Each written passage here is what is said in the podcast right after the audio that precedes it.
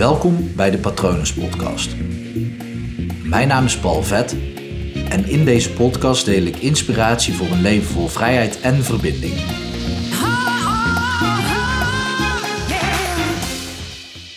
Hoe kijkt een andere persoon tegen jouw probleem aan?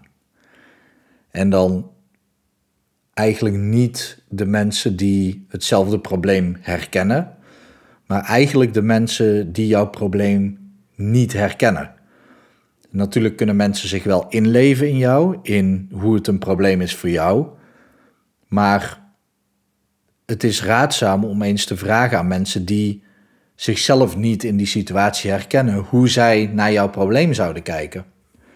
Um, klinkt een beetje cryptisch. Gewoon simpel gezegd, stel je hebt hoogtevrees. En dan moet ik natuurlijk zeggen, jij doet. Je doet hoogtevrees. Uh, want je hebt het niet. Je kan het niet op marktplaats zetten.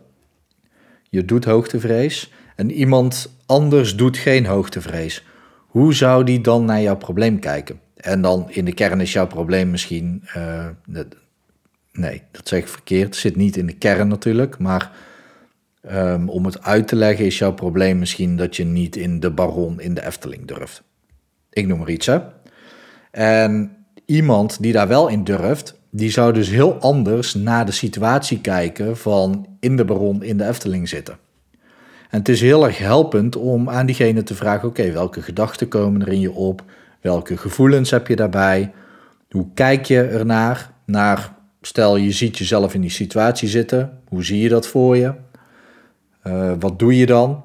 en dat zijn hele waardevolle vragen. En dan niet specifiek over hoogtevrees en dan al helemaal niet over de baron uh, in de Efteling. Maar echt specifiek over waar jij dus in je leven tegenaan loopt. Bijvoorbeeld een angst of een trauma. En dan kan je wel zeggen, ja, die persoon heeft dat, uh, die traumatische ervaring niet meegemaakt. Nee, dat klopt. En daarom is het juist interessant om die strategie van die persoon te kopiëren.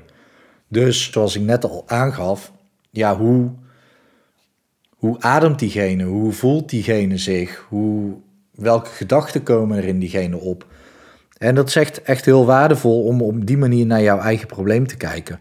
En dan is het dus ook raadzaam om even te gaan praten met iemand die dat probleem dus niet herkent. Hij, hij of zij erkent dit misschien wel in jou. Dat is logisch, want mensen kunnen zich wel voorstellen dat andere mensen bang zijn voor hoogtevrees. Maar als ze dat zelf niet doen, dan kunnen ze het eigenlijk ook niet herkennen. En kunnen ze dus heel veel andere informatie aan jou geven. En waarom is dit interessant en zelfs helpend? Omdat de angst of het probleem wat je doet, of wat je hebt, als dat makkelijker eh, werkt voor jou, dat is niet voor iedereen op deze wereld een probleem. Dus dat is jouw perceptie van een situatie. Jij maakt daar een probleem van. En uh, nu wil ik je dus niet aanpraten van het is je eigen schuld. Vooral niet. Uh, maar het gaat er wel om dat jij op een bepaalde manier, met een bepaalde strategie, met jouw probleem omgaat.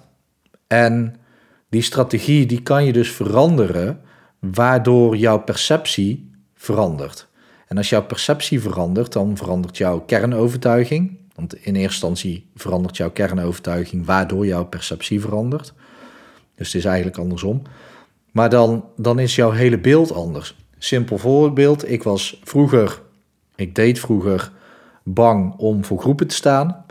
En op het moment als ik dan dus daaraan dacht, kreeg ik het benauwd, werd ik bang, maakte ik mezelf klein, uh, probeerde ik alles aan te doen om dat te vermijden. En als het niet lukt, dan deed ik het wel, maar zorgde ik met een bepaalde strategie ervoor dat ik dan niet gekwetst of geraakt zou worden. Dan zou ik het heel erg vanuit mijn hoofd doen in plaats van dat ik heel mijn lijf, heel mijn alles meeneem in het voor de groep staan.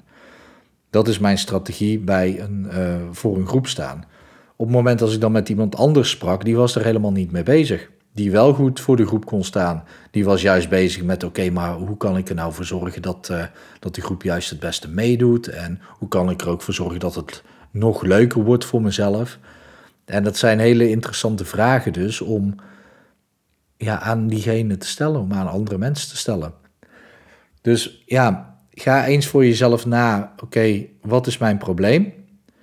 En hoe kijkt iemand die dat probleem uh, niet heeft tegen die situaties aan waarin ik mijn probleem doe? Dat is eigenlijk de kernvraag. Dus hoe kijkt iemand anders tegen die situaties aan waarin ik mijn probleem doe? Wat is de strategie van die persoon? En als je dat kan modelleren, en dat kan jij, ga dan eens, nou wat een hele goede oefening is, is om letterlijk eens te gaan ademen zoals die persoon, te gaan voelen wat die persoon dan voelt op dat moment. Kan je allemaal inbeelden, hè? Kan je gewoon aan die persoon vragen van, nou, hoe voel je dan? Oké, nou, stel, ik voel me zo en zo. Dus ik voel me sterk, zelfverzekerd, uh, een beetje speels, een beetje ondeugend. Ehm, ja, ook wel een beetje ontspannen. Nou, dat betekent dat ik wel uh, ja, diep adem, maar niet super diep. Gewoon een soort van normaal. Dus niet oppervlakkig, niet te diep, maar gewoon normaal adem. Mijn gedachten zijn uh, bij het spreken voor een groep, uh, nou, hoe kan ik ze entertainen? Hoe kan ik het voor mezelf leuk maken? Ehm, ja, wat is, wat is het leukste of wat is het, het beste resultaat wat ik kan behalen voor de groep? Ik noem maar iets, hè. En op het moment dat je dan die en die gedachten in je, in je hoofd haalt en het beeld wat diegene zich vormt, hoe diegene ademt en welke gevoelens erop komen. Als je dat allemaal gaat inbeelden, eerst hè, en dan pas met die nieuwe staat van zijn, want je hebt gewoon een andere staat van zijn bij jezelf opgeroepen, dan met die andere staat van zijn naar jouw probleem gaat kijken. Dan weet ik zeker dat er al een hoop is veranderd ten opzichte van het gevoel wat je eerst had. Als je naar je probleem keek. En dan zou het zomaar eens kunnen zijn dat er ook wat verandert in jouw staat, hele staat van zijn en van jouw perceptie richting dat probleem. En dat kan je dus helpen om het al een klein stukje op te lossen. Vaak de problemen die je hiermee, uh, of de, de problemen die mensen hebben die deze afleveringen luisteren, of mijn cliënten, die hebben vaak nog wel diep iets, iets meer nodig. Vaak uh, hypnotherapie of een andere vorm van therapie kan natuurlijk ook. Maar dit zorgt er al voor dat het wat, wat losser wordt, dat er wat scheurtjes in komen. En dat het ook wat meer kan gaan stromen. En dat je daar op andere manieren over na kan denken over jouw probleem. En dat, uh, dat kan je heel erg helpen. Uh, ook in deze tijd, wanneer je dus niet echt naar therapie gaat. Uh, nou ja, ik bied wel therapie aan, dus uh, je kan me dat altijd gewoon even laten weten als je daar behoefte aan hebt.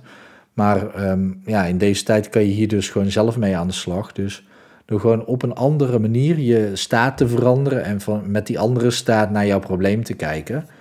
En dan eens te, ja, gewoon op te merken wat er gebeurt. Laat me weten als je hier hulp bij nodig hebt. Stuur me gerust een mail naar patronenzetpalvet.com. En je kan natuurlijk gewoon op www.hypnopal.nl kijken om te zien wat ik voor jou kan betekenen. Ik hoop dat het goed met je gaat. Ik hoop dat het goed gaat met dierbaren van je. En ik wens je verder natuurlijk nog een hele mooie dag toe.